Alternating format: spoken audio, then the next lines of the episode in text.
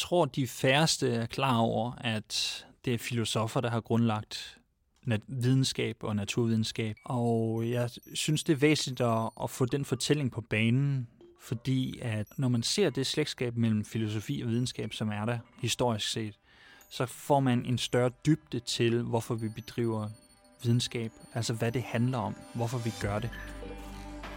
Velkommen til Fagbyder, en podcast produceret af Biblioteket Frederiksberg, det giver dig et hurtigt indblik i en ny aktuel fagbog, der enten lige er udkommet eller snart gør det. Mit navn er Andreas Løkke Jensen, og ham du lige hørt tale om slægtskabet mellem filosofi og naturvidenskab, hedder Bo Karl Christensen. Bo er både filosof og videnskabsjournalist, og for nyligt udgav han sin første bog, der bærer titlen Af stjernestøv er du kommet. Bogen er en ganske særlig blanding af videnskabs- og filosofihistorie, som på fornem vis kædes sammen, på trods af, at vi i dag betragter filosofi og naturvidenskab som to meget forskellige discipliner. Bogen er først og fremmest henvendt til unge læsere, der godt kan lide at tænke over de helt store spørgsmål. Jeg har inviteret Bo forbi biblioteket, for at han kan fortælle lidt om sin bog, samt hvorfor han har skrevet den.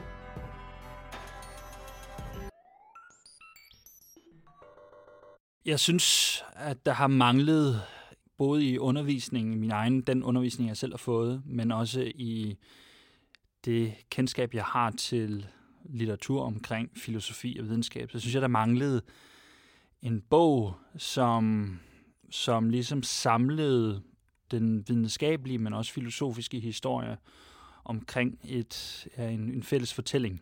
Og ligesom illustreret, hvorfor vi har videnskab, og hvorfor det er interessant for os mennesker overhovedet at bedrive videnskab. Jeg havde selv som ung sådan en opfattelse af, selvom jeg var matematisk student og var fint udmærket til, til de naturvidenskabelige fag, så hang det mig faktisk lidt ud af halsen, fordi jeg oplevede, at det blev et instrument frem for, frem for noget, der, der havde mening i sig selv.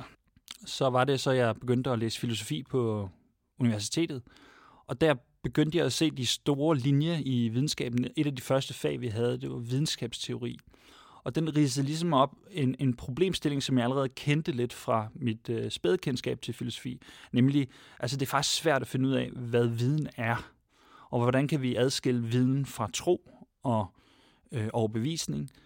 Øhm, og, og det blev meget hurtigt på mit første semester på, i, på universitetet, der blev det koblet sammen med videnskab, altså videnskabelig metode. Hvordan, hvordan sikrer vi os, at vi har viden? Og det er jo en stor del af, øh, hvordan man bedriver forskning i dag, de spørgsmål, der blev stillet for 100 år siden, men også er endnu længere tilbage, det er altså 2.500 år siden, men det var før man begyndte at komme i tanke om forsøgsdesign og deslige. Så ja, helt kort, altså, jeg synes, den manglede den bog. Den manglede den fortælling om, at videnskab og filosofi hænger sammen, og det er en menneskelig fortælling. Et tema, der går igen igennem hele Bogs bog, er synergien imellem den empiriske naturvidenskab og den teoretiske filosofi.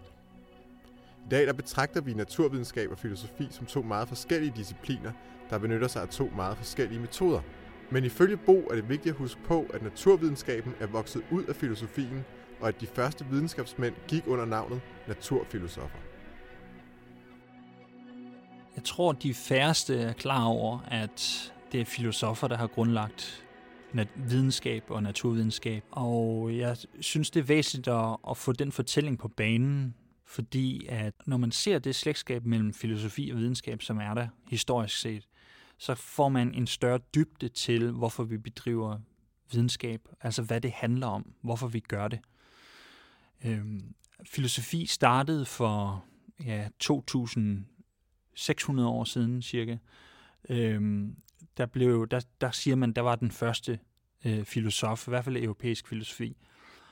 Og noget af det, der som kendetegnede fødslen af filosofi, det var, at man gik fra at fortælle myter og religiøse dogmer til hinanden, til at sige, hvad med vi prøver at undersøge verden? Hvad med vi prøver at sige, vi kender ikke svarene på forhånd, lad os finde svarene i stedet for at antage svarene på baggrund af myter og fortællinger.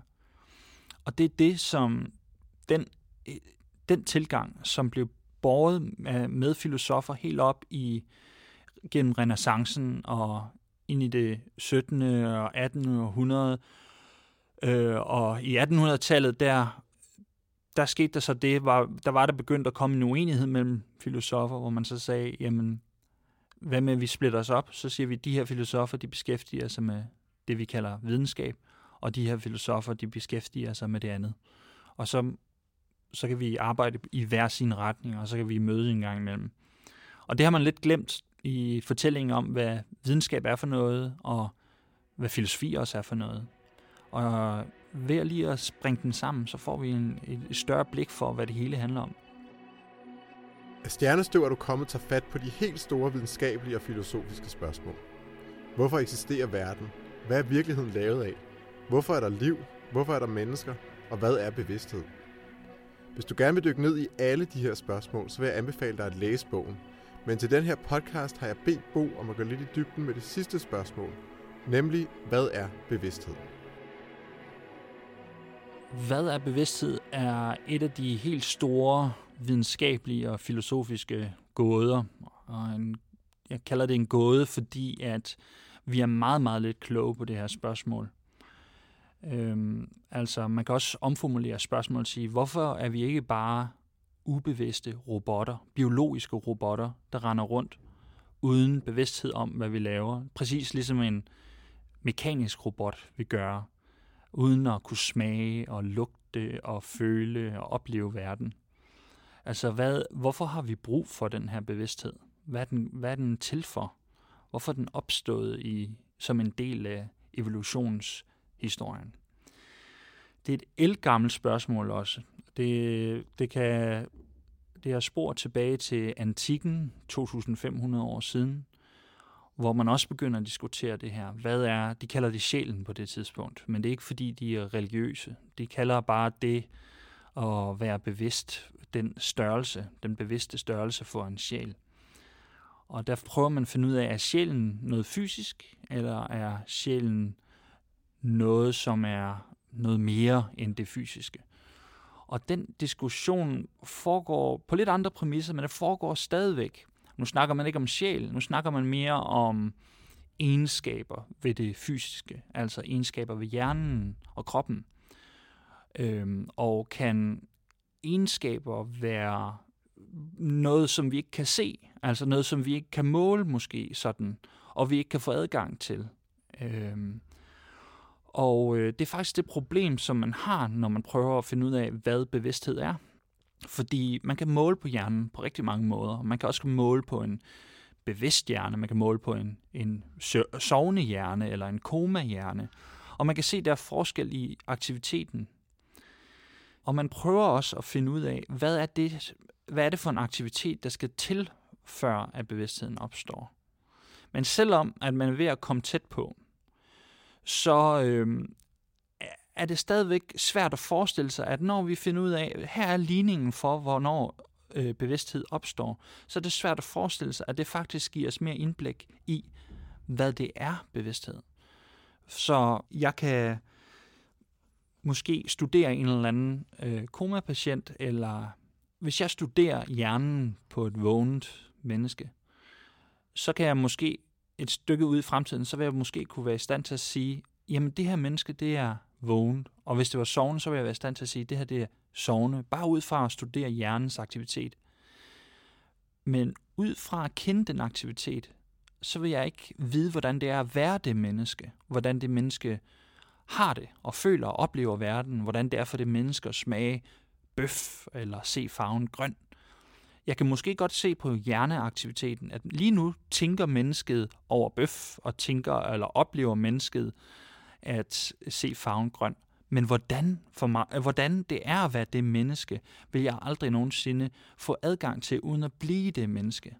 Øh, det er det, man nok forventer, at selvom vi finder de der svar på, hvordan bevidsthed opstår, så kommer vi måske aldrig til at svare helt på, hvad bevidsthed er. Traditionelt så har spørgsmålet angående bevidsthed været et spørgsmål, som filosofien har beskæftiget sig med. Men i løbet af de seneste 50 år, hvor teknologien har givet os mulighed for at studere den menneskelige hjerne på helt nye måder, så er naturvidenskaben, nærmere bestemt hjerneforskningen, for alvor kommet på banen. Men hvem er egentlig bedst egnet til at løse gåden om bevidstheden? Filosoferne eller hjerneforskerne? Lige med det her spørgsmål om, hvad er bevidsthed, og hvorfor vi er bevidste, øh, det, er, det er nogle spørgsmål, som virkelig har bragt filosofi sammen med naturvidenskab igen. Efter at have været adskilt i 150 år, så er filosofer og almindelige forskere, der sidder med apparater og måleudstyr, jamen de er begyndt at arbejde sammen, fordi de ved godt, at for at blive klog på de her, de her spørgsmål, så skal man også tænke lidt over, hvad er det egentlig, vi prøver at undersøge, og hvad er, øhm, øhm, hvad er det for nogle spørgsmål, hvad betyder spørgsmålene, vi gerne vil svare på? Hvad ligger bag dem? Og det kræver ofte hjælp fra folk, som er specialiseret i at, at analysere spørgsmål, argumenter og sprog og koncepter. Sådan nogle ting, vi arbejder med i daglig tale. Og det er filosofer. Det er sådan moderne filosofer. Det er det, de er særlig gode til øhm, i dag. Og forskere, de er til gengæld, de almindelige naturvidenskabelige forskere, jamen de er til gengæld gode til at vidne om biologien i kroppen, og de er gode til at vide, hvordan man bruger forskellige apparater og udstyr til at undersøge biologien. Og så sammen, så kan man jo så bringe de her forskellige evner øh, og kompetencer øh, sammen og for at finde, eller komme tættere på at svare på de her spørgsmål. Spørgsmålet er, om vi nogensinde kommer helt dertil, hvor vi kan svare 100% på det, men vi kommer nok tættere. I indledningen til sin bog beskriver Bo Kosmos som et gigantisk puslespil, der bliver samlet gennem teorier og opdagelser. Men det, der kendetegner et puslespil, er jo netop, at det på et eller andet tidspunkt er færdigt. Alle brikkerne er på plads, og der er ikke andet at gøre, end at læne sig tilbage og nyde synet af det færdige resultat. Men forholder det sig virkelig sådan med verden og universet? Kan videnskaben virkelig med tiden give os svar på alle de store spørgsmål? Det er øh, det her med, om vi nogensinde kommer til en ende, hvor vi ikke kan vide mere. Det er sådan et, altså det er et super godt spørgsmål, men det er også et spørgsmål, der implicerer en masse andre ting, man først skal prøve at svare på. For det første skal man finde ud af, øh, altså, hvad er det, vores viden er. Hvis, hvis vi skal nå til en ende, så skal vi også vide, hvad det er, vi gør, når vi samler viden.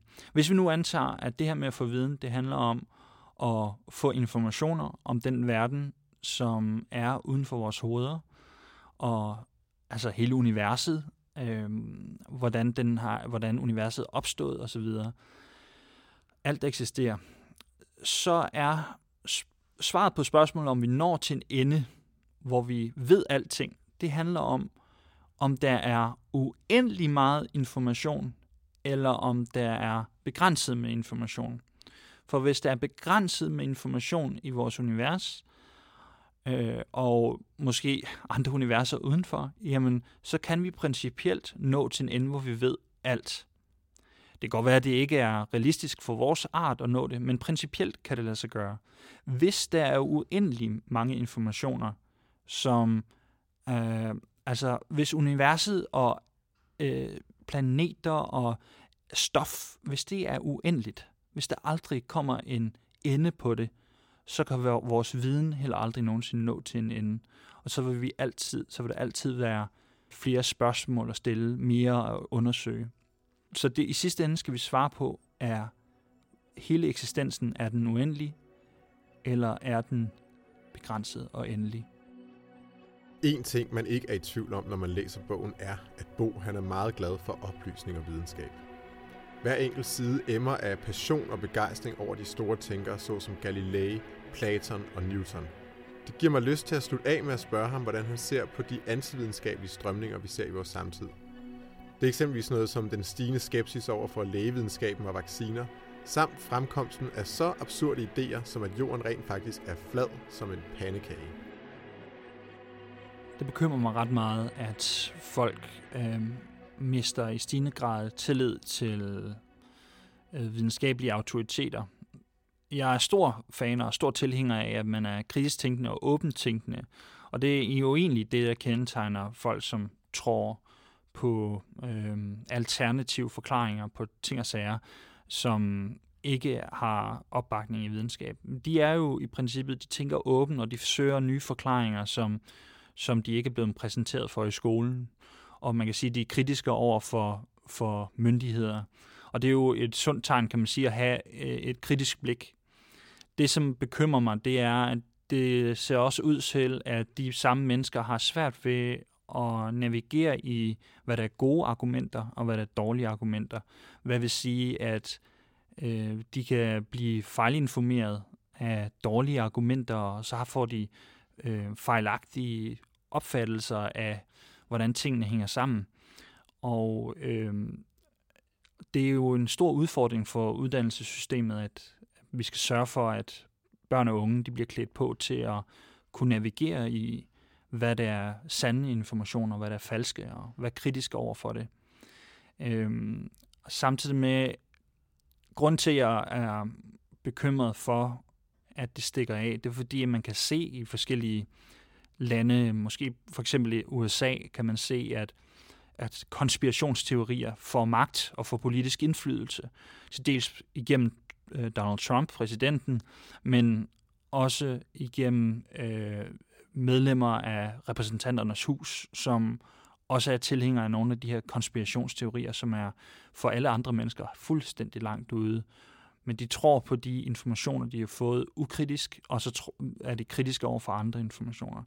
Det er bekymrende, hvis på noget tidspunkt vi kommer dertil, hvor sandt og falsk flyder sammen, hvor det gode argument ikke kan vinde og styre demokratiet i den bedste retning for folket, men bliver vildledt af skøre overbevisninger, som bunder i uh, mistillid til myndigheder og, øh, og manglende evne til at skelne mellem skidt og kanel.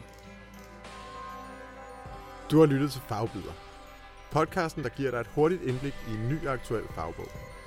Har du fået lyst til at læse Bo Karl Christensens bog, Af stjernestøv er du kommet, så er den ude lige nu på forlaget Grønningen 1. Mit navn er Andreas Løkke Jensen.